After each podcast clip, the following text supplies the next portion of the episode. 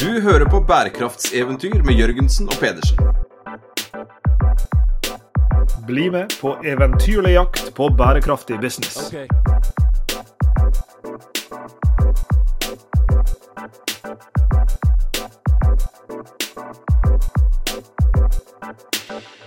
I denne episoden av Bærekraftseventyr Sveinung, så skal vi inn igjen i sirkulærøkonomien. Vi skal snakke om mange ulike typer ombruk, men ikke minst tror jeg vi kommer til å snakke veldig mye forretningsmodeller og forretningsmodellinnovasjon. Eh, og For å gjøre det, så har vi eh, invitert inn en, en seriegründer og eh, forretningsutviklingshjerne. Jeg snakker om Preben Karlsen, som mange kanskje husker fra Trigger for ikke så fryktelig mange år siden. Eh, men som siden den gang har gjort veldig mye forskjellig. Eh, han har bl.a. i nyere tid starta selskapene Switch, Go Good, Pakt og Good Sports og flere. Og Vi skal nok komme inn på alle disse. og En av fordelene med å ha mange hatter på, Preben, det er at uh, en kan gjemme seg vekk. Det er ingen som vet hvor du skulle være hen akkurat i dag. Så, så nå er du her med oss, og det er vi glad for. Velkommen til Barkas eventyr. Ja, tusen takk. Veldig glad for å være her. Vi har jo fulgt deg en, en tid, og du, du, har sagt det i en annen, annen sammenheng at du har, du har møtt deg sjøl litt i døra. Eh, at du har gått en læringsreise. Hvis du skulle tatt eh, liksom, heispitchen på den læringsreisen, hva, hva er det? Heispitchen er vel altså sånn, hvis jeg tar det helt tilbake til min uh, kall det dystre, mørke fortid, så, så har jeg jo uh, nesten årlig blitt tenkt ut som han som var involvert i å ta Black Friday til Norge. Og det har jeg jo stått på Debatten på NRK og angret bittert på, og, og sagt at nå gjør jeg bot og bedring så godt jeg kan, og jobber med ombruksinnovasjon og nye konsepter. Eh, så, så det, det, det, var liksom tilbake da jeg starta mitt første selskap som et Trigger, eh, hvor vi var mer opptatt av å lage kommunikasjon som engasjerer, enn en hva vi engasjerte oss i. og så jobbet vi med det ganske lenge. Eh, lærte mye, fikk til ganske mye. Fikk mer tillit fra de virksomhetene vi jobbet med. Og, og da gikk vi fra å lage sånne artige kampanjer til å jobbe med, med posisjonering av merkevarer og strategi i den forbindelse. Eh, og når vi begynte med det, så måtte vi jo ansette en del folk som kunne innsikt og analyse og sånt, for å vite hva er det vi egentlig posisjonerer disse merkevarene for å møte. Og det var da egentlig min utvikling begynte i forhold til, til bærekraft og teknologi, som, som, eh, veldig fort utkrystalliserte seg som de to definitive driverne av endring, som, som jeg vil si at uansett hva du driver med, er, er, du nødt til å forholde deg ordentlig til det. Og dette begynte for, for vår del tilbake igjen i sånn 2014-2015. Eh, og så så vi jo at vi kunne ganske mye trigger, men, men vi kunne ikke kanskje det viktigste. Eh, og det var å bygge merkevarer inn i produktene og tjenestene til kundene våre etter hvert som de ble uh, digitale. Så bygger du brand i den kundeopplevelsen mye mer enn i ekstern storytelling. Og da måtte vi jo begynne å, å gå en, en vei da, for å se hvordan er det vi kan få til dette. Så da lagde vi vår egen sånn intern akselerator, et, et, læringsrom som vi puttet ganske mange millioner kroner inn i. Ansatte annen type kompetanse, begynte å investere i startups og, og sånne type ting for å lære. Både på teknologi, men også på, på det som handler om, om samfunnsinnovasjon, da, som, som, vi kalte det da, og som jeg fortsatt syns er et fint begrep. Uh, og det, det, ble for min del også litt sånn starten på slutten i, i Trigger. Det var ikke int intensjonen min å slutte der, men etter hvert som jeg ble fanget opp av alt det nye, så, så ble det plutselig mer interessant enn å, å jobbe som konsulent eh, med, med, merkevareutvikling og historiefortelling. Så da, da, spant vi ut en del nye selskaper av Trigger etter noen år. Og så fikk jeg eh, et sjokk, eh, rett og slett. Eh, for da, da, kjørte vi en av de selskapene som et folk, som vi kalte for et problemverksted. Eh, et veldig sånn gøy sted å, å jobbe. Det fins dessverre ikke lenger. Det er et av de selskapene jeg har vært med på som ikke vi klarte å få til å, å, å overleve økonomisk. Men det var utrolig lærerikt når vi holdt på, for da, da jobbet vi et stort nettverk av tverrfaglige mennesker rundt ulike samfunnsutfordringer for å se om vi kan liksom oversette bærekraftsmålene til FN til konkrete brukerproblemer her hjemme. Uh, og så satte vi på selskaper og flinke folk, uh, veldig sånn på, på, tvers av alt fra kultur til uh, teknologi til ledelse, alle slags typer mennesker. De bare hadde en felles interesse for å løse disse problemene. De satt sammen. Og så var de med på en stor prosess der hvor vi sa at overforbruk, det skal vi prøve å løse. og da fikk vi med oss Ikea var med på det, Warner-gruppen var med på det. Store-Oslo Eiendom var med på det. Miljødirektoratet var med på det. En liten startup som het Lokal var med på det, og Europris var med på det. Så det var ganske store og små selskaper i veldig forskjellige typer bransjer. Men overforbruk var fellesproblemet da, som vi skulle bruke et halvt år på å løse. Og så var jeg med å ratte den prosessen, så jeg fikk enormt mye innsikt. da. Og, og den innsikten den kan jeg liksom oppsummere i, i, en kanskje ganske kort setning, og det er at økonomien sånn som den er i dag, den uh, er ekstremt lite uh, ressurseffektiv. Og det sjokkerte meg. Altså hvor vanvittig mye sløsing det er i bransje etter bransje etter bransje. Og når jeg satt og så de tallene der, og så så jeg det inn i liksom sånne innsikt og fremskrivninger og sånn, så kom hele tiden 2050 opp som et sånt uh, år. Uh, og det der 2050-tallet, da, da enten har vi løst det, eller så har det gått til helvete. Det var liksom det jeg leste ut av den innsikten. Og så har jeg barn, ikke sant. Så, så, så, så, enkel som jeg er, så er det sånn jeg er avhengig av å connecte emosjonelt med problemer for å, å, å klare å engasjere meg i det. Og så plutselig satt jeg der og tenkte Ola, sønnen min, hvor gammel er han i 2050, gitt? Og så, og så, plutselig, så bare i 2050, så er Ola like gammel som det jeg er nå. Uh, og da satt det som en sånn knyttneveslag i magen, og så tenkte jeg at søren heller, uh, få se om jeg kan bidra noe her, da. Og etterpå så har jeg jobbet med sirkulærøkonomi. Så det er historien. Jeg, jeg mener å huske, Preben, at, at den første gangen uh, jeg hørte deg snakke, så var det på tampen av din tid i Trigger, og da snakker du om forretningsmodellen til kall det den konsulentbransjen i det store, da, for å si det på den måten. Uh, og Jeg kan ikke helt huske hvor dette var, men det var en konferanse hvor vi også sto på scenen. og Jeg satt og hørte på deg, og jeg husker du var uh, jeg var interessert fordi du, du, tok utgangspunkt i det her forretningsmodellproblemet. Altså, du, du, hadde ikke lenger tro på parafraserer, du hadde ikke lenger tro på konsulentbransjen sin forretningsmodell i det store, at en måtte over til noe annet. Uh, så du har jo hatt en, en liksom I tillegg til denne reisen fra å kalle den lineære til den sirkulære økonomien, så har du hatt en, en forretningsmodellreise også, som du er inne på her. Jeg har bare lyst til å, å, å sånn, uh, stille spørsmålet, da. Uh, du, du, nevnte ressursineffektiviteten i økonomien. Og, og, Det er jo et problem som en kan pakke en forretningsmodell rundt. Og så er det antageligvis noen kall det lavthengende frukter, altså ting som er på en måte altså, ikke nødvendigvis lett å få til, men at en kan lett se for seg at en kan hente, altså, skape og kapre verdi eh, av, av, de mulighetene som ligger der. Så er det andre ting som de av oss som, som jobber med sirkulærøkonomi, vet at det er krevende. Disse, disse neste skrittene. Å liksom skulle transformere økonomien fra lineær til sirkulær. Da oi, begynner, begynner ting å bli krevende. ikke sant? Eh, var livet enklere den gangen du bare, bare i hermetegn, skulle lage en forretningsmodell som skulle fly for et uh, konsulentselskap, eller, eh, eller er livet lysere nå når du skal lage sirkulære forretningsmodeller? Jeg vil si at livet er mer meningsfylt nå, men definitivt lettere før. Jeg har drevet og tenkt på det ganske ofte og snakket med folk når det er, liksom, når det er på det vanskeligste. Da, for det er ganske ofte veldig vanskelig å få til sirkulærøkonomien. Det, det er jo i stor grad en teori som ikke fungerer ennå, men som kommer til å fungere, fordi det er noen naturgitte forutsetninger som tvinger det frem.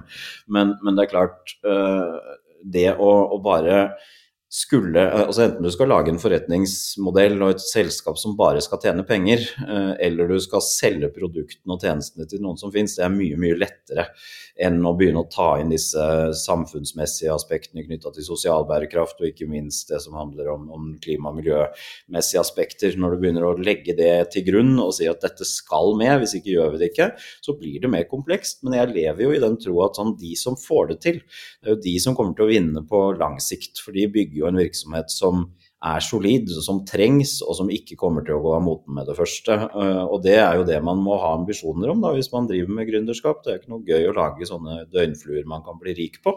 Så, så jeg syns jo det er verdt det, og jeg angrer ikke et sekund. Men eh, det har kosta, og det koster fremdeles innimellom. Check it out.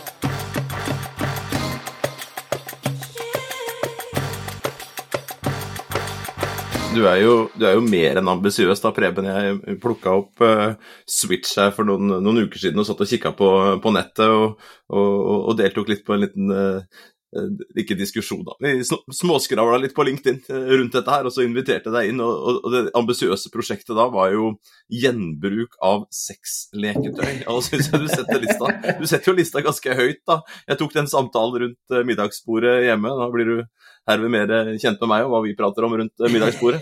Men, og det, det innledet en ganske interessant samtale om, om hva det var, og, og, ikke minst det at det var et så stort problem. Det overrasket oss alle sammen. altså hvor enormt mange uh, slike leketøy som ligger ubrukt der ute. Mm. Og den hele den ideen, da Jeg, jeg prøvde meg på begrepet pre-loved. Uh, ja. det, sånn for det er jo det vi snakker om, pre-loved klær eller kontormøbler eller en hytte som står der elsket, men uelsket før den blir brukt lite, liksom. Og så, så går du rett, liksom. Jeg syns liksom, du topper det ganske bra, liksom, når du, når du, åpner opp da bare ideen om og det praktiske arbeidet rundt hvordan få samla det inn i utgangspunktet, ikke sant. For det er jo elektriske artikler, dette her, men hvordan mm. tenke liksom gjenbruk av det og desinfisering. Jeg syns det er ganske, ganske sprekt.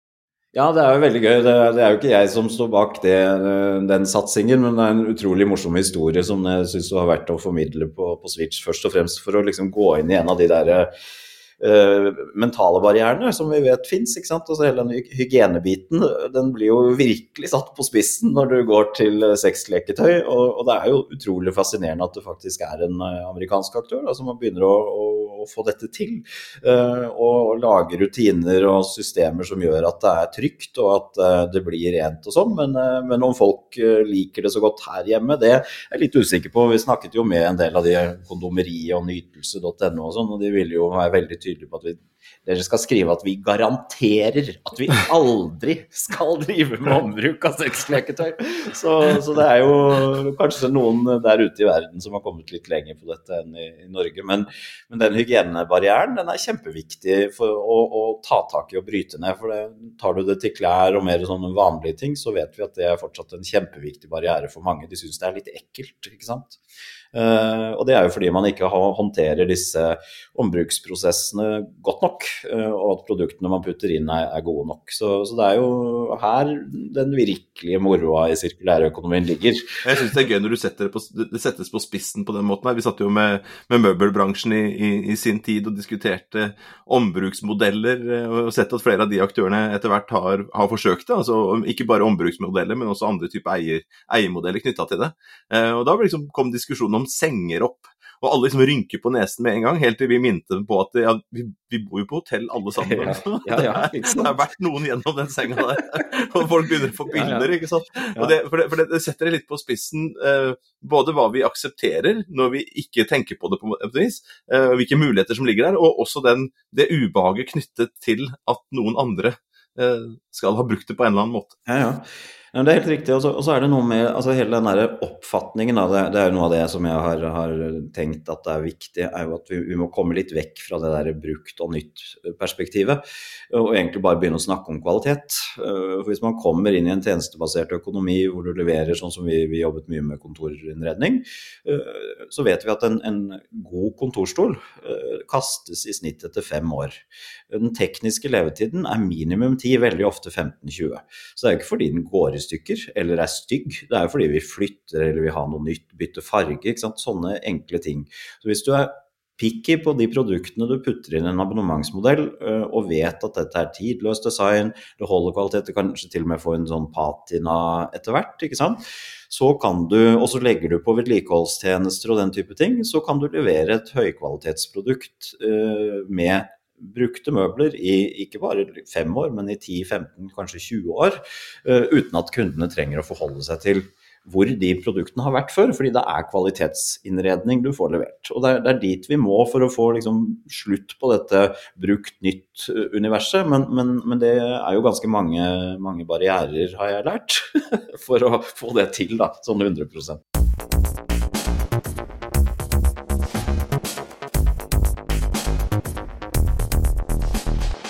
det er jo noe interessant her på tvers av, av eh, produktkategorier. Jeg er gammel platesamler og har gått på kryss og tvers rundt i, i, i verden. og, og i støvete vinylkjellere. Og, og liksom jo, om, om, noe så er jo det positivt at en plate er en, en original, brukt uh, utgivelse fra 1981. Uh, og, og, Sånn er jo det med, med, bøker. På kontoret mitt har jeg en, siden vi er i kontormøbler og vi skal videre inn i det, uh, så har jeg en stol som jeg fant når vi måtte flytte ut av høyblokka på NHH i forbindelse med renoveringa av det bygget hvor det for øvrig er gamle, brukte møbler fortsatt. Så det, det var eh, oppgradering, men gamle møbler. Eh, og da fant jeg nede på det midlertidige kontoret vi var på, en, en gammel, nydelig skinnkontorstol som billedlig da, minner om litt sånn Madman-æra-stol. Eh, takk og lov at jeg fant den. Minner meg om alle disse fine platene jeg har i kjelleren. Samme sånn vintage-følelsen. Og, og, det her er litt sånn på noen områder så, så, liker vi den vintage-greia. Det er litt på, uh, definitivt på en del møbler. Sant? Det er definitivt på sånne ting som plater og, og, og bøker og sånn. Og så er det mange kategorier som vi er inne på som, hvor, en, hvor en ikke ønsker. Og så er kanskje sexleketøy helt ytterst på, på den skalaen. Muligens. Kan være en tannbørste, liksom. ja, det kan det være. men, når du, eh, vi, vi, begynte jo å snakke om, om kontormøblene, nå, Preben, og det er jo ikke tilfeldig. fordi det er jo et av områdene hvor eh, du og, og dine folk har jobba mye gjennom uh, Eh, gjennom selskapet Go Good de, de siste åra. Og, og, der går dere jo da inn mot eh, eh, ja, et, et, stort businessmarked hvor det, vi, vi, har jo alle gått forbi konteinerne og sett alt det som, som ligger og slenger av brukte møbler som nettopp som du sier, de er ikke ødelagte. Det er bare at noen har valgt i, i sånn der planned obsolescence-perspektiv, så er det vel det en kaller for psychological obsolescence. En føler liksom at de er for gamle. For nå er jo kontoret vårt pussa opp, og da må vi jo også få nye møbler. ikke sant? Eh, kanskje du forteller litt om dette fra, sånn, eh, fra et forretningsmodellperspektiv. Hvordan har dere gått fram eh, for å lykkes med, med, det her? For å gjøre det like attraktivt for de kundene som da skal velge og si skal vi bestille full, fullskala ny innredning fra en eller annen kall det jomfruelig produsent, eller skal vi gå til Preben og kompani og, og få noe noe godt brukt og pre-loved. Hva, hva, var grepene dere måtte ta for å få dette til å fly, og for å sørge for at dette gjorde mindre vondt for, eller kanskje til og med var attraktivt for disse aktørene som skulle kjøpe det? Altså, jeg jobbet lenge. altså Før vi valgte å begynne med eh, kontorinnredning, så, så, så ideen min opprinnelig da jeg begynte å jobbe med sirkulærøkonomi, det var å, å, å se altså inn på tvers av disse ulike innovasjonsprosjektene som jeg, nevnte i stad, som jeg var involvert i. Hvor det var alt fra på en måte klesbransjen til møbelindustrien til bygg, anlegg og eiendom, så var det ganske tydelig at det er en del fellesnevnere som går igjen i dette her. Og så tenkte jeg at hm, går det an å bygge en digital infrastruktur som gjør at man på enklere vis kan, kan gå inn og virkelig sammen med verdikjedene selv legge til rette for at man får til en 100 sirkulær løsning. For det, det, er som dere sa i stad, altså det som vel har lykkes best nå, i det, den grad man skal kalle det sirkulær økonomi, det er jo disse C2C markedsplassløsningene som Finn og Tice og sånne type ting de gjør jo på en måte den enkleste delen av jobben, som skalerer veldig. De kobler en kjøper og en selger, og så er det de som i stor grad håndterer all friksjon og, og dialog og sånn seg imellom. ikke sant. Uh, og så så vi at skal vi klare å gjøre dette ordentlig uh, og virkelig flytte insentivene sånn at, at produsentene til slutt får en grunn til å begynne å lage møbler som holder en helt annen kvalitet f.eks. Enn, enn de uh, som lages nå, som aldri kommer til å være attraktive på et, et ombruksmarked fordi de, de, er for dårlige, rett og slett. Så må man jo gjøre noe med, med forretningsmodellen. Så da må de begynne å tjene mer penger på å leie ut produktene sine enn å selge de. Eh, f.eks. Eh, og Derfor så var jo abonnementsmodellen helt sånn sentral eh, overordnet, den, den, må på plass, tenkte vi. Og så er det sånn OK, hva skal til for å lage en attraktiv, et attraktivt abonnementsprodukt? Og da, da begynte vi å se på ok, hva skal vi fylle dette med. Men, men så gikk vi litt tilbake og så sa vi Ok, hva er liksom de tre, da? De tre alle snakker om du må levere på hvis du skal levere et knakende bra produkt, og som vi vet at den forbruksbaserte modellen sliter med, det er jo pris, eh, det er kvalitet og det er bærekraft. Altså de tre liksom, prinsippene. Hvis du ser på hvordan det funker i en forbruksmodell, så må du nesten alltid velge to av tre. Så du kan gå på Finn, og så kan du jo kjøpe uh, veldig uh, kanskje rimelige produkter. Uh, og det er brukt, så da er det jo per definisjon mer bærekraftig enn å kjøpe nytt. men så er det denne kvalitetsopplevelsen og kundeopplevelsen som tidvis er litt sånn skranglete. sant? og så kan du gå på Ikea, og så kan du få et, et godt møbel til en ekstremt lav pris. Men hvis du ser på modellen Ikea opererer etter i dag, så er jo ikke det en spesielt bærekraftig modell. Så du, du må hele tiden velge bort noe. Eh, og så kan du velge norskprodusert uh, møbler av f.eks. Uh, ombruksmaterialer og havplass. Og en del sånne historier som er fantastiske. ikke sant? Kjempekvalitet på produktene, men dessverre er det ganske dyrt. Uh, så du får, ikke løst alle tre. og da begynte vi å se på, Men, men i en sirkulærøkonomi, hva hvis? ikke sant? Og så, og så gikk vi inn og så brøyte vi ned. Hva er kvalitet, da? Uh, hvis man legger denne abonnementsmodellen til, til grunn. Og så tenkte vi at kvalitet er jo, er jo veldig mye kundeopplevelsesbiten. Gjøre det enkelt. Bake inn mer fleksibilitet, sånn at du kan bytte ut ting som en virksomhet. Og så alle som har bygd selskaper fra scratch og vokst fort, vet hvor artig det er å drive og bytte ut møbler og, og, måtte investere i det. Jeg husker Triger, som var det første selskapet jeg starta. Vi vokste fra fra null til noen og 60 i løpet, av, i løpet av en fireårsperiode. Og da måtte vi jo flytte fra kontor til kontor, og så passer det ikke inn. ikke sant? Og så har du akkurat brukt halvannen million på møbler, og så, og så, et halvt år etterpå så passer det ikke lenger, så må du begynne på nytt. Og det, det, er penger som ikke er spesielt gøy å bruke, og det er masse masse friksjon og jævelskap i det. Og det er jo derfor hele denne Altså vi kaster 140 000 tonn med kontormøbler i Norge hvert år, så det er, det er helt vanvittige tall. ikke sant. Så da, da tenkte vi at Fleksibilitet. Eh, la oss tilby dette som en tjeneste, og så kan du bytte ut møbler i takt med at selskapet utvikler seg og behovene endrer seg. Det må være bra.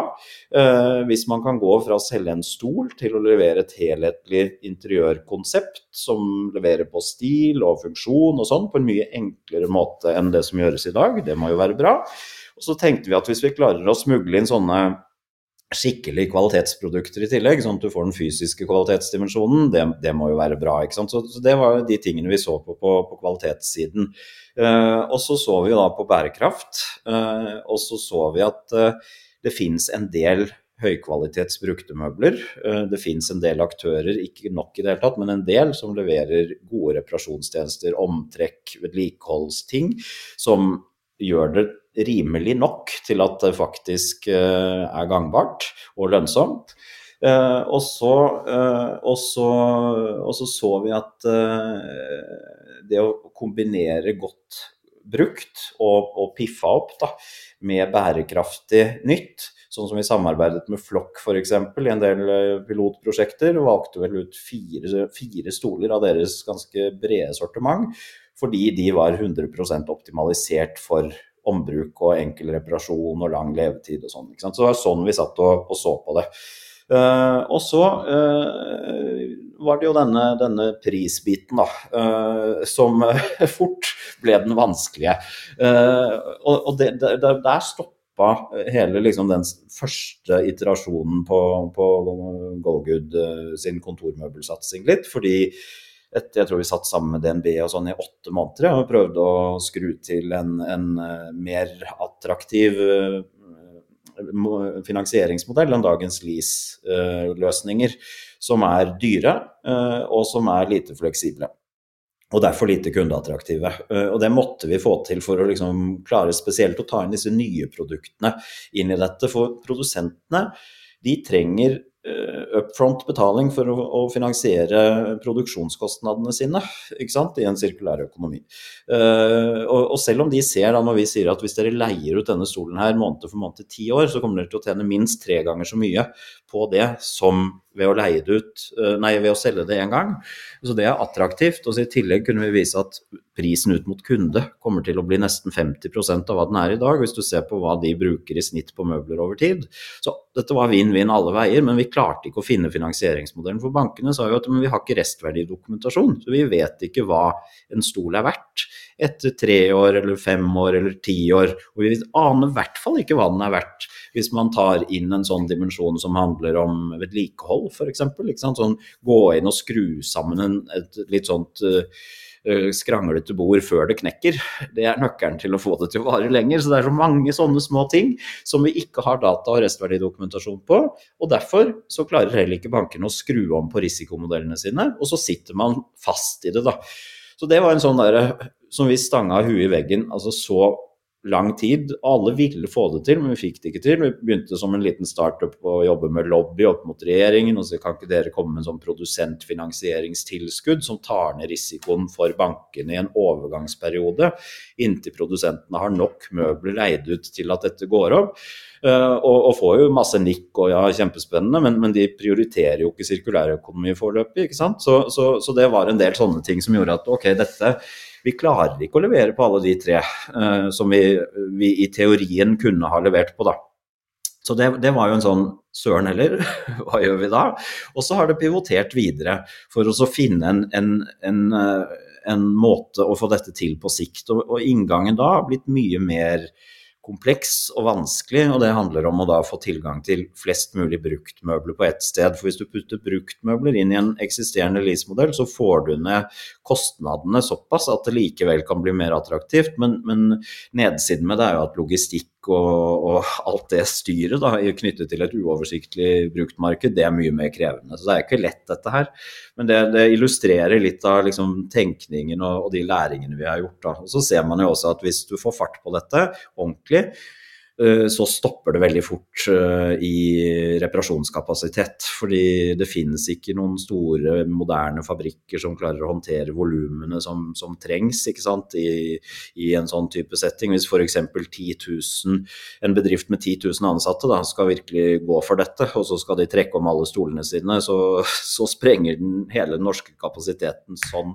Så det er ganske mye å gjøre der også, og, og det mener jeg er jo en sånn typisk sånn et fint samvirkeprosjekt mellom privat og offentlig sektor. Der hvor, hvor, eh, dagens renovasjonsetater må begynne å bli reparasjonsetater og investere i den fysiske infrastrukturen sammen med, med produsentene selv, som ønsker at dette skal opp, men som ikke har penger til å, å investere det. Så det er litt av, litt av sånn historien om, om, kontormøbelbiten. Eh, så nå jobber de da med Jeg er ute av den daglige driften der og fokuserer nå på Switch for egen del, men teamet jobber med å, å få oversikt over den eh, kontormøbelparken som er, i samarbeid med flyttebyråer og eh, interiørdesignere og alle som er først inn i dette, gjennom dette digitale ombrukssystemet vi, vi utviklet. Da. Eh, så det er, en, eh, det er litt av en, en, en, eh, utfordring å klare å bygge en 100% sirkulær økonomi, men jeg mener fortsatt at møbelindustrien i Norge er veldig godt rigget for å få det til, bare de får litt hjelp til å, å særlig da få fart på denne, denne finansieringsmodellen som, som stopper hele utviklingen. Går du inn på gogood.no. Så scrolle litt ned, så er det faktisk en brun versjon av den der eh, svarte kontorstolen din, Lars Jakob. Står der og får ekstra kjærlighet. Nettsiden er jo helt Eh, nydelig. og Vi har jo fulgt det litt, og, og så det jo på Sløsesjokket, hvor dere var inne og, og, virkelig liksom, og Da var det en periode det var liksom ja, det var liksom vind i, i seilene, seilene, så sett utenifra. Og man hadde en sånn viss optimisme rundt det, også utenifra. Altså, å, endelig! Så, så, er det noe som, som, som, skjer her. Men hvor langt er det igjen før dette her liksom er liksom til å leve av, omtrent, hvis du skjønner hva jeg mener? Ja, nei, altså Selskapet har gått i pluss, faktisk, så, så vidt det er. Men, men, vi har jo, det skal man jo ikke legge, legge eller stikke under en stol her. Vi, vi begynte jo med dette midt i pandemien, så, så, vi har jo hatt rimelig uflaks. For det er maken til dødt marked som vi traff med det første produktet vårt. For det aller første vi gikk ut med, det gikk vi ut med tre uker etter at Norge stengte eh, kontorene. Eh, og det var et abonnementskonsept eh, som gjorde det veldig enkelt for en, en liten virksomhet å klikke sammen sitt eget kontor, så du kunne innrede rom digitalt og velge stil, og så kom våre folk og liksom satte på plass veldig enkelt og effektivt. da. Men uh, det å kjøpe en kontorløsning når det ikke er lov til å være på kontoret for en liten bedrift, det, det er ikke så interessant. Så da da var det veldig Det var kjempekritisk. Da var vi et team på 20 eh, og i full gang, liksom. Og det var, det var, det var midt i investorrunder og, og, sånt. Og så kom den 12. mars, da, og da stoppet alt sammen opp. Og vi måtte gå fra 20 til 5 og, og trodde ikke vi kom til å få det til. Men så fikk vi et forskningsprosjekt på nesten 12 millioner som gjorde at vi kunne gå mye dypere inn i verdikjeden. Og det endret hele fokuset vårt. For da, vi gjorde jo det som de, jeg tror de fleste startups gjør, da. Eh, I hvert fall sånne type kundedrevne folk som, som meg. Vi er jo opptatt av menneskene og kundene våre og lage fete løsninger for de, og så vet vi at det er masse, masse vanskeligheter som må løses eh, bakover i systemet, men det er strik og binders i starten til man får penger til å virkelig gjøre det bra etter hvert. Men gitt at markedet døde før vi lanserte, så, så, var det ikke noen kunder der å jobbe med. Så da, da begynte vi jo da med hele dette backend-systemet. Det var det vi fikk. Vi fikk 12 millioner fra Forskningsrådet til å gå virkelig inn i dette og se på hva er det som skal til for å bygge en teknologi som kan drifte en, en uh, ombruksverdikjede i industriell skala. Så da jobba vi jo masse med metodikk f.eks. på et møbel. Hvordan kan du måle om et møbel er ombrukbart eller ikke. Hvor mye data trenger du i, i PIM-en din, altså Product Information Management-systemet som driver enhver sånn type verdikjede. Hvis du bare skal selge et produkt én gang, som du gjør i en lineærøkonomi, så trenger du ikke så mye produktinformasjon. Men hvis du skal reparere og ta vare på produktet, så må du vite mye mer om det. Du må ha det helt ned til liksom materialnivå, delnivå osv., så sånn at du etter hvert da kan kjøre disse fysiske reparasjonsprosessene eh, mye mye mer effektivt enn sånn som det fungerer i dag, hvor det er telefon og mail og utrolig liksom, tungrodde systemer. Så hele den biten er jo det vi har brukt tid på. Og da da var vi også sånn i pandemien og når vi var med på Sløsesjokket, så var vi klare med liksom den første sånn storkundeløsningen med, med Nav og sånn da, som, som, gikk inn i dette. Så nå er det vel, det er vel over 30 000 møbler i dette systemet nå. Uh, og de er jo da tagget og merket, og vi vet veldig mye om de og kan følge de gjennom dette livet. Sånn at etter hvert så vet vi hvor mye disse møblene er verdt etter to år, tre år, fire år. Og da kan vi jo ta opp tråden med DNB da, og så si at hei, vi har restverdidokumentasjon, kan vi skru om på de finansieringsmodellene nå? Uh, så det er jo en sånn type tålmodighetsprøvelse uh, det, det egentlig er snakk om. Uh, men, men, dette tar tid. Jeg husker Da jeg begynte å jobbe med det i 2018, så trodde jeg at jeg hadde dårlig tid. Jeg husker regjeringen sa sånn at nå skal Norge bli et foregangsland på sirkulær økonomi. Og bare Yes, nå skjer det, vi må forte oss.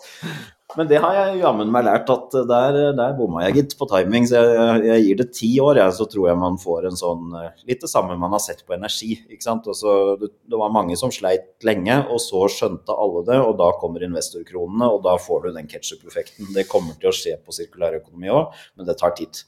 Det som jeg syns kommer så godt fram, Preben, i, i, i den historien du forteller her, det er Jo, du sier at det er, er, et kundefokus i kjernen her. Du er tett på kunden og, og, og kunden sine problemer, og den kalde interaksjonen og relasjonen der er selvfølgelig kjernen i den forretningsmodellen du beskriver. Men det som jeg syns kommer så veldig godt fram, eh, jeg og Sveinung liker å snakke om, om, forretningsmodeller som aktivitetssystem. Et system av aktiviteter som skjer Kall det veggene av liksom selskapet som står i, i, i midten av, av problemet og løsninga, i dette tilfellet Go Good. Eh, men så beskriver du alle de andre aktørene rundt som en er avhengig av for at forretningsmodellen skal fly. Og Det kan være en aktør som skal finansiere her borte, det skal være de som skal reparere her borte, det er kanskje en logistikkaktør, det er kanskje ditt, det er kanskje datt. Og for at forretningsmodellen som sådan skal fly, så er det liksom hele det systemet der som skal være på plass. Og kanskje hvis vi til og med løfter det et hakk opp, så kan vi ta med i betraktning av disse regulatoriske, og det kan være subsidierelaterte eller hva det måtte være, eh, tingene som, som, myndighetene skal gjøre, som du, som du, også er inne på at, at kan være sviktende foreløpig. ikke sant? Og eh, nå, nå har vi jo gravd oss ned da, i, i, eh, i, kontormøbeleksempelet her, og så vet vi at, at, du har jo flere andre eh, selskap hvor dere prøver å gjøre eh, altså, lignende typer ting. Da, altså Sirkulære løsninger, ombruksløsninger osv. F.eks. Good Sports, eh, som er på, på tekstiler og tøy. Eh, Pakt, eh, som er på, på hyttefronten.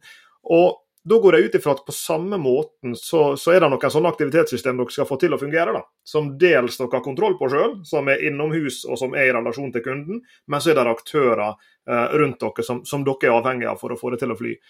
Er det liksom de samme typene utfordringer dere opplever på tvers av disse kontekstene, enten det er fra hytta eller til klærne eller til kontormøblene?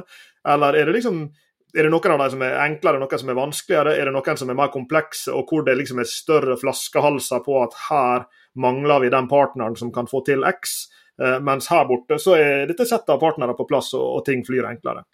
Uh, veldig uh, liker godt den, uh, den, måten å tenke på i forhold til aktivitetssystem bildet du tar opp. For det, det, det, det, er akkurat sånn det føles når man sitter og jobber med det.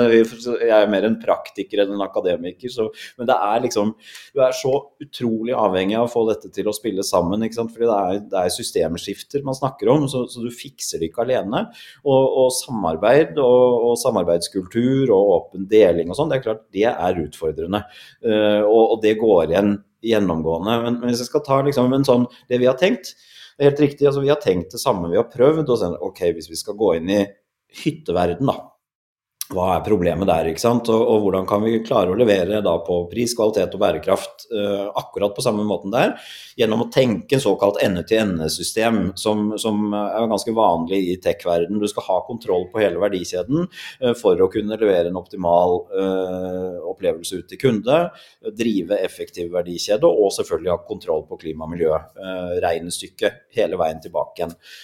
så det er liksom en, en tenkning som ligger til grunn. Og så så vi da på Eh, på, på, møbler, da går vi jo inn egentlig liksom etter første bruksfase, sånn som det har blitt nå. Eh, og så, og så hviler vi jo inn helt til produsenten. Men så så vi helt tilfeldigvis eh, så ble jeg dratt inn i dette hytteuniverset. Og det var samtidig med at jeg så at nå har jeg gjort mitt i kontormøbelland. Og, og begynte å, få opp et annet team som kunne drive det selskapet videre. Så, så ble jeg kontaktet av en kompis som drev og bygde hytter. Eh, og han sto bare og subba i masse sånne materialer på en byggeplass etter at han hadde satt opp den hytta si, og sa at du Preben, du jobber jo med sånn sirkulærøkonomi, og jeg legger merke til når jeg bygger sånne, sånne ferdighytter, så, så, blir det litt som Ikea-pakka, bare i stort format. Altså, det er alltid noen skruer ekstra, men her blir det da liksom kilovis med, med, med plank og, og, fliser og det ene og det andre som han hadde igjen. da. For De er så redde for å levere for lite. ikke sant? Fordi eh, Gjør du noe feil, så blir det mye dyrere for de å, å ta en ny runde enn å legge på litt ekstra materialer. Så han lurte på om hvis jeg skal bygge den femte hytta mi, så tror jeg at uh, han hadde bygd fire, så tror jeg at jeg har ca. 80% av materialene. og så kan vi gjøre noe der? Og så sa jeg artig inngang, liksom. Jeg hadde ikke tenkt på det, men så, så begynte vi å snakke sammen. Og så uh, syns jo jeg det er gøy da, hvordan verden spiller sammen, ikke sant. Fordi uh, restmaterialer, som dette var snakk om, uh, det er interessant. Men jeg hadde ikke noe sånn særlig tro på at man kunne få noe system og, og kraft ut av dette sånn skalamessig ved å gå rundt på hver enkelt byggeplass. Så jeg tenkte sånn at eh, en, en, som heter Olav Engesland, som jeg har da blitt kjent med gjennom GoGood, faktisk, eh, som skrev en masteroppgave på NTNU om restmaterialer i treindustrien i Norge, hvor han mappet opp hele den. Hvor fins det overskuddsmateriale fra produksjon som bare brennes i dag, og, og hva kan man gjøre med det? Han ringte meg fordi han hadde lyst til å lage møbler av restmaterialer. Og så sa jeg men det er jo spennende, kanskje vi kan selge det i GoGood. Og det har vi jo gjort da, ikke sant. Men så tenkte jeg at Snakka ikke han om Splitcon, en sånn massivtrefabrikk eh, på Åmot, som er liksom eh, enorme mengder med materialer som blir til overs? Det må jo være materialer man kan bygge hytter av, tenkte jeg. Og så, eh, og så, så vi da begynte vi å snakke sammen med, med Olav lurte på om vil du være med inn i Pakt, og han syntes det var superkult. Og så begynte vi å snakke med Splitcon, og så så vi da at de lager sånne massivtrehusbyggesett til typisk liksom kontorbygg, svære bygninger. Og da har du en vegg, da. Det kommer i ett stykke ferdig levert på arkitekttegning. ikke sant? Uh, og så har de sånne svære CNC-freser. Så alt av dører og vinduer og sånn, som veldig ofte er i standardmål, det kuttes ut og blir til rest. Og det er store volumer. Og så sa vi hvis vi skal bygge sånne små hytter, Eh, så kan jo det være våre legoklosser hvis vi bearbeider det litt. Og så fikk vi med en hytteprodusent på det som var god på massivtre, og så så vi at dette får vi til hvis vi får med en arkitekt som er god på å liksom tenke dette. Så, så begynte vi å lage dette systemtenket, da. Men så så vi at gøy det å lage hytter av restmateriale, men det er jo ikke det som er det reelle problemet med hytter. Det er jo nedbygging av natur, som er en kjempeutfordring. Og hvor det er hytteopprør i kommune etter kommune og sånt. Så, så vi vil jo ikke inn og utplanere og gjøre den biten. Og da begynte vi med, med å tenke går det an å utvikle hytter i pakt med naturen. og Derfor heter vi jo pakt, fordi det er det vi, vi gjør. Så, så, det blir jo da sånne restmaterialhytter bygd av, av massivtre fra Splitcon, eh, som skrus ned på påler, off-grid, eh, og designet på sånne små tun med mye delingsfunksjonalitet, sånn at man får mest mulig ut av hvert enkelt areal, i tillegg til at du leier ut hytta di når du ikke bruker den selv, sånn at man får opp ressursutnyttelsen for i alle de hyttene vi har nå, de brukes vel i snitt 50 dager i løpet av et år. Så det det er mye dødtid der ute. Og alle de elementene har vi da sett på uh, systematisk. Hva er det som skal til for å få det til? Uh, og så har vi fått det til etter hvert. Og så har vi fått nå da tillatelse til å, å utvikle dette på de, de, første tomtene oppe på fjellet oppe ved Flå, som uh, vi nå skal legge ut for salg nå hvert øyeblikk, faktisk, i påsken, som er sånn høysesong. Så det, det er jo igjen så er det jo ikke, det er jo ikke verdens beste marked for uh, hytter etter pandemiboomen, men uh, vi tror at et sånn type konsept har livets rett. Og så er jo tanken etter hvert, når du kjøper deg en pakkhytte, så blir du del av et sånn type community med tun rundt omkring, sånn at du da får tilgang til en hytte på fjellet over sjøen i samme konsept. Da. Så det er et veldig kult konsept som jeg gleder meg veldig til å få testa ut i, i markedet nå. Vi har i hvert fall fått masse, masse positivitet rundt det. Eh, det som er lettere med det, som tilbake til det du, du, du sa i stad, det er jo at hytta bygges, og så står den der. Eh, kanskje ikke for alltid, men en sånn type hytte står der iallfall i 100 år. Og da slipper man disse innbytteprosessene og vedlikehold og flytte rundt, sånn som man har med møbler. Eh, og det forenkler hele den sirkulære verdikjeden betydelig, og, og gjør at eh, dette her kan bli lønnsomt eh, mye raskere, da. Og er lettere å levere på. Så det er forskjeller, ja, men det er også mange likheter, som dere skjønner.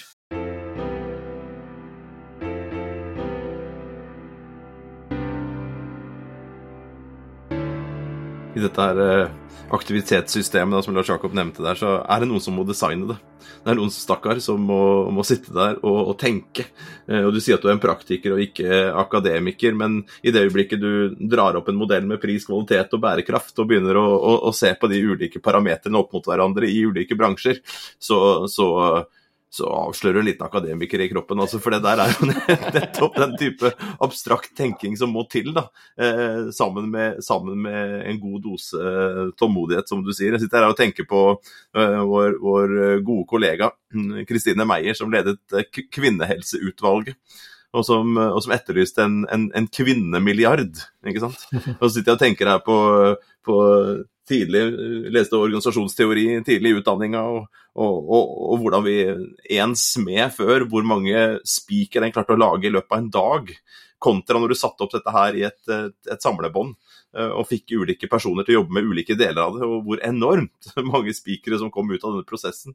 Så vi har brukt noen hundre år da, på å spesialisere oss på å, å, å, å masseprodusere ting, eh, med helst kort varighet. fordi vi vet jo det at hvis vi ikke får solgt ting igjen og igjen og igjen, så, så får du heller ikke tjent penger. Vi er ingen som har designa disse gode modellene. og du, du, viser jo også hvor vanskelig det er å lage disse forretningsmodellene innenfor bransje etter bransje etter bransje. Og jeg har lyst til å spørre deg om, eh, En ting er denne, denne, denne sirkulære milliarden som vi kunne drømt om, da, og, og som, du, som, som, vi trenger. Altså kanskje flere milliarder. For det er så store omveltninger. Ganske mange flere. Ja, ja, for vi har rigga oss så enormt bra for noe som er så billig og effektivt. Jeg bruker jo ofte det der dumme tenniseksempelet, for det er jo min eh, guilty pleasure. Åpne opp disse boksene med tennisballer og lukte på dem, og så spiller vi. Og så blir de slitt ut etter et par timer hvis du slår hardt nok, ikke sant. Eh, og jeg veit at den har reist et par eh, ganger rundt jorda før jeg får den i, i, i hånda og kan spille med. Uh, og så vet vi at dette her altså, det, det, hele, det, er jo så effektivt. Det er den mest effektive og lønnsomme, kostnadseffektive måten å, å, produsere en tennisball på. Men det er jo langt ifra sirkulært. Da. Det er jo ikke noe etterliv omtrent for dette her i det hele tatt. Jeg har lyst til å snakke litt om, om sport med deg. Jeg har lyst til å snakke om, om, om good sports eh, uh, i tillegg. og så har jeg lyst til å drømme litt om disse milliardene. Da. Og kanskje det der, ja, altså, at vi rett og slett som samfunn, da, langt utover Norges grenser, er nødt til å, å, å Sånn som du opplever da, i, i, år etter år, etter bransje etter bransje. Ja, dette her er hardt arbeid. Å redesigne eh, disse forretningsmodellene, disse systemene på tvers av aktører, som skal bryte med noe som vi har liksom blitt så flinke på, eh, og, og, brukt så mange milliarder eh, på å, å, få til. Og, og, over i sportsbransjen her, da. For det er jo nok et sånt eksempel. Jeg ser samarbeider med, med We Play Green her, og, Morten Thorsby og, co. på det. Ja, og, jeg leser inne på, inne på Good Sports også at, eh, at, at, at, i USA så kaster man 48 kilo med sportsutstyr per amerikaner i året. Ja. Det er jo ville tall. Ja, ja, det er helt sinnssykt. ikke sant? Og det, og det, det er en, et eksempel på, på en bransje som av en eller annen grunn så har ikke den blitt utsatt for det samme presset som f.eks. mote. Eh, men det forbruket som skjer der, og, og, og, og særlig liksom en del av de produktene, hvor lite vi tross alt bruker de, ikke sant? Altså hvor mye bodplass eh, sånne ting ligger og, tar opp, eh, det er, ganske, det er ganske utrolig å tenke på egentlig at ikke den der bærekraftsbiten har kommet på en helt annen måte inn der. Men, eh, men det er vanskelig å finne tall uh, på det. Og, og, og, men at behovene er der, det er helt, det er helt åpenbart. Det, det, vi gjorde med, med, med Good Sports, det var egentlig akkurat den samme tenkningen. Men det vi så da, var at der tror jo kanskje ikke vi at det er vi som skal være den kall brandet ut mot kunde. Eh, så det vi, vi, vi, tenkte på hvis vi skal få fart på dette, vi, vi gikk inn i barneidrettens verden, hadde et annet verdiforslag ut mot kunde egentlig enn eh, en klima- og miljø Eh, aspektet, og at det skal være en sømløs tjeneste og sånn, det lå jo under der. Men det handlet jo først og fremst om kanskje den største utfordringen i den verden, og det handler om ulikhet. Eh, det er dyrt med sportsutstyr for barn, eh, og det er ikke alle som har råd til å være med. Og det er jo en, en forferdelig ting å, å, å, å, kjenne på. Jeg har vært sånn barnefotballtrener selv i, i fem år, liksom. og og, man ser det. Uh, og det føles jævlig. Og, og, det å kunne ta ned prisen for å inkludere flere, det tenkte vi at det er en viktig ting. Uh, og så begynte vi å se på går det an å få til. Og så så vi jo en del ting sant, i sportsverdenen. Dette var lagsport hvor du per definisjon du kommer i en uniform. uniform og standardisering, det er veldig bra i sirkulærøkonomi. Eh, sånn hvis du skal begynne å designe fra scratch hvordan draktene skal se ut og sånne type ting, det er et kjempepotensial for å gå inn og liksom lage mer solide, ombruksbare ting. Og så vokser jo disse barna så himla fort. Eh, og særlig når de er litt små, så vokser de jo ut av en sko fra trening til den neste, ikke sant. Uh, og, og, så er det jo hassle. Man vet ikke som forelder altså Hvis du ikke er god på en sport, som jo mange ikke er, så går det jo sånn litt sånn Hva skal jeg ha til en sportsbutikk? Og så blir du jo gjerne kanskje lurt til å kjøpe en dyrere ting enn du egentlig trenger, osv. Og, så og så bidrar det jo mer eller mindre bevisst også til en sånn utstyrspressgreie, fordi barna vil alltid ha den siste Ronaldo-skoa eller Messi-skoa, ikke sant, altså den type ting. Så det er mange sånne aspekter som pusher dette liksom fornyelse, forbruk, press, som enkelte sliter veldig med. Så vi tenkte at hvis vi kan få en fotballklubb til å levere sin kvalitetssikrede utstyrspakke til sine eh, medlemmer i sitt brand, eh, så må jo det være fint. Så, så du abonnerer på fotballutstyr fra Lyn eller fra, fra Bekkelag eller Kolbotn som var med i dette pilotløpet vi kjørte. Uh, og så får de jo uh, utstyret, drakta, uh, som de kjenner. Og så så vi da på, på en del sånne standardmodeller på sko og sånne type ting som vi tenkte at dette er jo solide saker, og, og, dette burde gå an. Så gjorde vi en del innsikt før vi testet ut. Spurte medlemmene der om både om de hadde mye utstyr, og om de hadde lyst til å, å, abonnere på det og teste ut sånne type ting. Og det var i veldig veldig stor grad av positivitet knytta til den type liksom, respons på det. Og så fikk vi med oss helt hjem uh, Schibsted sin uh, logistikkløsning til å håndtere liksom, frakten og sånn, og så testet vi det ut ganske sånn enkelt og effektivt. da. Snakket vi også med WePlay Green faktisk om å lage da en sånn WePlay Green Collection, ikke sant. Altså sånn uh, både med brukte ting, stemple på det oppå alle disse sponsorene logoen og alt det tullet som, som, næringslivet hele tiden skal oppdatere, og dermed så skaper de jo mer kast. Kunne man gått inn, så kunne det kanskje blitt en kul greie. Så har drevet og lekt med masse sånne ting. og fått kjemperespons på tjenesten. Men så kom jo den etterdønning etter pandemi og krig og elendighet, og, og slo egentlig beina under hele investormarkedet da vi var midt i den piloten. Og det, det var såpass brutalt at vi var ganske sånn sikre på at det å få kapital til å, å, løfte et sånn type selskap som er veldig volumdrevet. Altså du må ha stor skala på det før det, du tjener penger, og dermed så må du investere en god stund og tape en del penger i starten. Det lå jo veldig lite til rette for det, så det var ingen av oss som trodde at det, det gikk. Så, så, vi har lagt det litt sånn på is nå, men vi har teknologien og selskapet og alt ligger der, og håper jo at det skal kunne tas opp en gang. Så hvis det er noen som har dype lommer og, og et stort hjerte der ute, så ta kontakt, så kan vi se om det går an å blåse liv i det igjen. For det er definitivt et behov og et superfint uh, prosjekt, syns vi. Ja, du sier har, har, eh, teknologien, går inn på, på, nettsiden her, så er det jo mer en sånn uh, backoffice nerdeteknologi. Det er jo veldig sånn brukervennlig. Med spillere, størrelse, hva som er behovet og sånne ting. Så dere har jo både da en, men, men, denne plattformen, er, er det noe dere har bygget opp på tvers av av hytter og møbler og hva det måtte være, og, og, og nå også sport, men som dere kan legge på, legge på ulike problemområder? Ja, eh, det er veldig mye av den samme teknologien som brukes på sport og møbel her. Ikke på hytter foreløpig, for det er såpass annerledes logistikkmessig. Men, eh, men det var jo litt av tanken opprinnelig. Altså det bygde denne løsningen i mitt hode før pandemi og alt annet, så, så het brandet good. Og så skulle vi gå inn og gjøre good i forskjellige typer produktvertikaler. Så det, det, er jo svaret på det, egentlig. At uh, det er mange fellesnevnere. Det er ganske mye som må bygges unikt, og, og partnerskapene må bygges opp enormt mye liksom på, på, den kommersielle siden, da, som, som, er ganske forskjellig. Men på teknologi så er det en del uh, grunnleggende felleskomponenter som det gir ganske god mening å investere i på tvers av den type satsinger løsninger. Så, så Bl.a. denne PIM-en som jeg snakket om i stad, altså den der Product Information Management-systemet som lagrer all data. Den må være mye mer raffinert designet opp, og du må ha mer liksom, eh, data inn der om et produkt for å kunne drive effektive reparasjons- og ombruksprosesser i andre enden. Og noe sånt så vidt vi vet, finnes jo ikke noen andre steder. ikke sant? Så det er, det er, det er masse sånne ting som må, må, løses. Og så er jo utfordringen selvfølgelig at det må kobles opp mot den fysiske delen av verdikjeden. Og det er jo i hvert fall det som jeg opplever at kanskje litt vel mange undervurderer i sirkulærøkonomien. At uh, man skal lage en digital dings, og så skal du løse det. Uh, men dette er fysiske greier.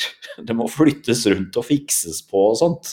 Det er vanskelig, uh, og skalerer ikke like bra som en app. ikke sant? Så, så, så, så det er Jeg husker jeg snakket med, med Birger Magnus en gang, en, veldig dyktig norsk næringslivsmann. og han sa det at det du egentlig driver med, Preben, det er jo industriomveltning. Det hadde jeg ikke tenkt på på den måten, men det er jo det sirkulærøkonomien i bunn og grunn handler om. Så, så, dette er ikke lett, og det er masse kompleksitet og det er mye risiko. Men det kommer til å skje, fordi vi bruker opp materialene i verden. Og på et eller annet tidspunkt så, så går det tomt, og da blir det dyrt når det begynner å bli mangel. Og da begynner man å se den naturlige liksom, dreiningen knytta til ombruk og, og kortere verdikjeder og alt det der som må bygges opp. Samtidig som vi heldigvis har et EU som, som er veldig bevisst på dette. Og de pusher jo denne utviklingen heftig gjennom et regulatorisk eh, kjør nå, som eh, selvfølgelig vi i Norge også må forholde oss til på en helt annen måte enn hva vi gjør i dag. For vi er litt sånn, vi går og, og, og surrer litt i vår egen verden, har jeg inntrykk av, og, og snakker om dette. Men de faktiske satsingene og de ordentlige investeringene, de lar vente på seg.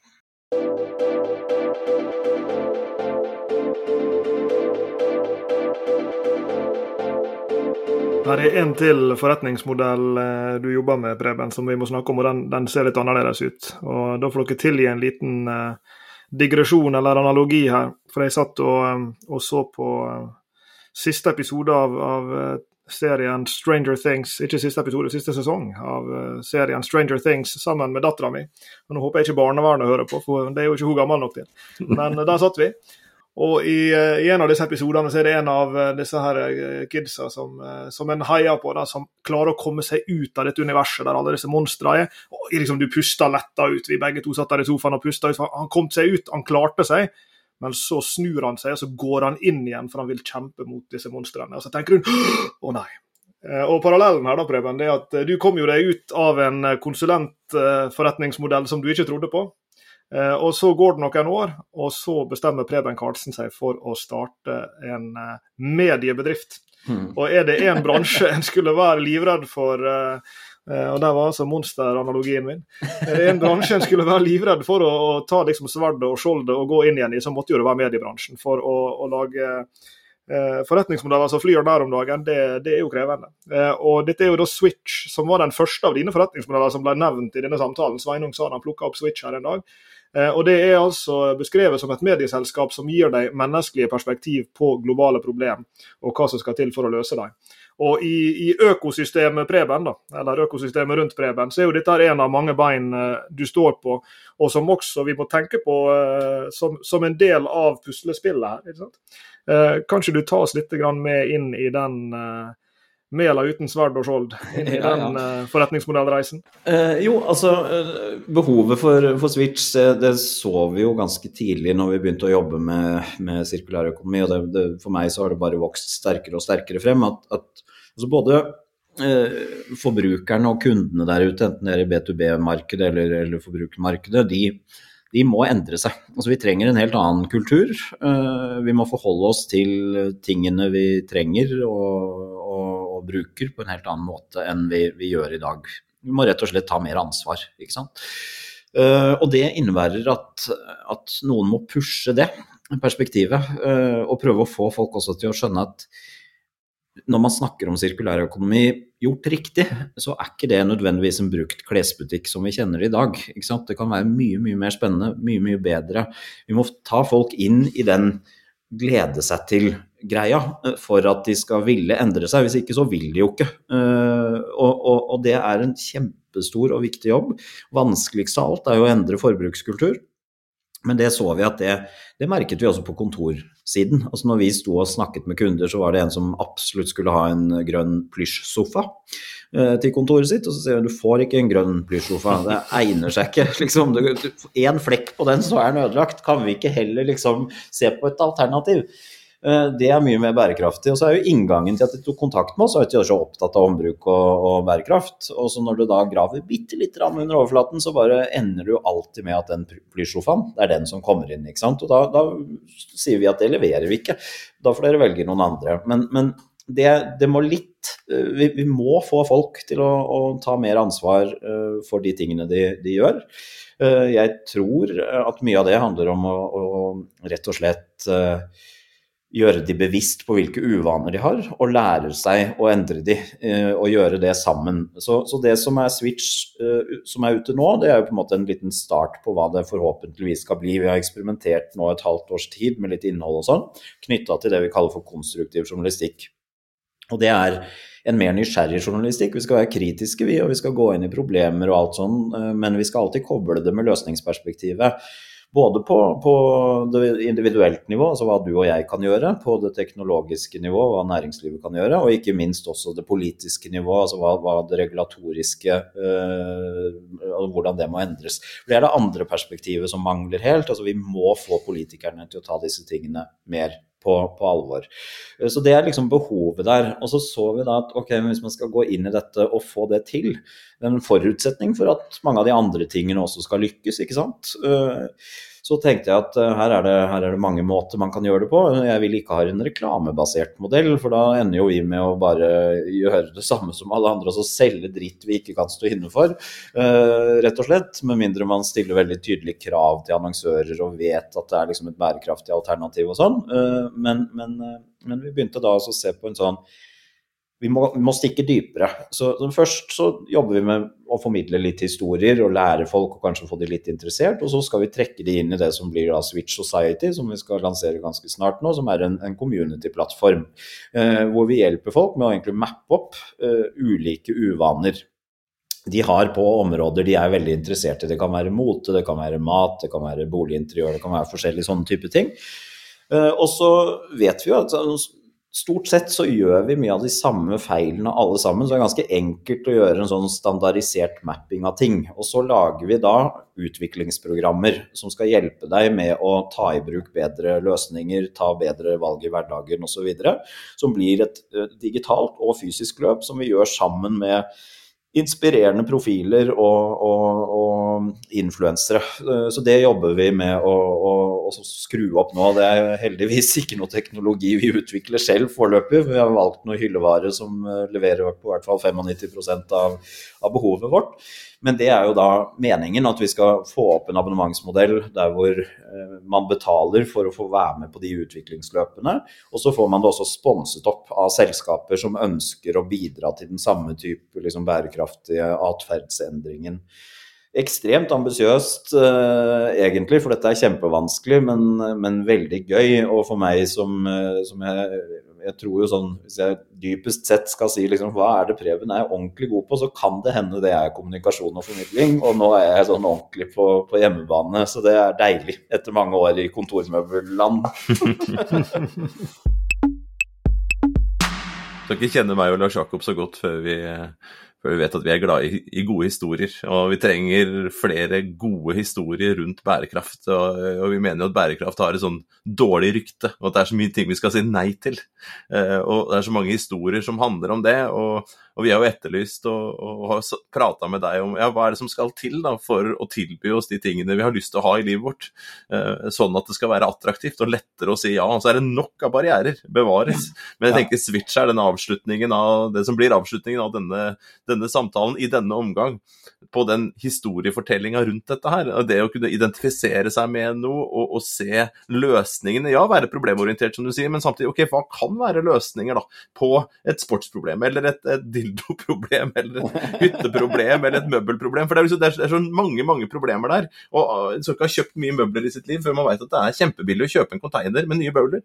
Eh, det er dyrt å kjøpe én stol, men det er kjempebillig å kjøpe en container med en hel haug med nye stoler. Og Der er det liksom et sånt problem. og der kreves det jo at man, at man, forstår disse problemene på en annen måte, og at man på en eller annen finurlig måte klarer å designe disse her forretningsmodellene, aktivitetssystemene, historiene rundt det, sånn at det er attraktivt og helt naturlig å, å gjøre det. Eh, jeg liker veldig godt at du, at, at du, at du har tatt den der switch-delen der, og litt populisme. Vi, etterlyser. vi etterlyser mer populisme i bærekraften, og så etterlyser vi etter en, en, en, en lov Dette her er en god kompis av oss borte i USA, han, han vil ha mer chutzpa, hvis jeg klarer å ut, ut, uttale det riktig. Eh, jødisk uttrykk, så vidt jeg forstår, eller kanskje da ikke jødisk, men et hebraisk, eh, de får arrestere meg, de som vil, eh, på å være litt rampete. Så det å gå inn igjen der og ta den fighten med det monsteret, som Lars Jakob sier, det krever en viss sånn rampetehet. Og det krever at man klarer å popularisere det som er litt upopulært. Ja, helt enig. Så tror jeg den, Det jeg håper at vi skal få til etter hvert med Switch, er jo å gi folk noe å glede seg til ikke sant? i denne settingen. Fordi miljøbevegelsen har jo gjort mye bra, men de har i veldig stor grad fått folk til å få dårlig samvittighet og, og, og blitt klar over problemene siden 70-tallet. Det har, fungerer jo ikke for atferdsendring. Så, så hvis vi klarer å liksom Ok, da tilbake til dette 2050. Hvordan ser utopien ut? Når vi har løst alt sammen, hvordan ser verden ut? Da kan vi ikke snakke om det, og så kan vi heller backtracke det til alle de problemene som vi hele tiden snakker om i, i samfunnsdebatten i dag, som vi må løse. Men vi mangler det fremtidsperspektivet, og det håper jeg at vi skal kunne bidra til. For da, da kan det bli ganske gøy å drive med endring, både i bedrifter og i politikk og som privatpersoner. Og hvis vi klarer å være en liten sånn spark til å få det til å skje, så har vi gjort uh, mer enn det vi kan håpe på, og, og alt vi drømmer om. Så det hadde vært fint. Og Vi er glad for eh, Preben, at du og, og, dine folk har uh, mange armer og bein inn i dette store utfordringsbildet vi snakker om her, for å skape denne fremtida. Uh, og Det kommer vi til å følge, følge dere tett på. og Noe sier meg at dette er ikke siste gangen vi setter oss ned og snakker om sirkulære forretningsmodeller og alle de aktivitetssystemene som skal på plass for å få dette til. Så Tusen takk for at du var med på Bærekraftseventyr, og lykke til med alle dine prosjekt. Tusen takk skal du ha. Du har hørt på Bærekraftseventyr med Jørgensen og Pedersen.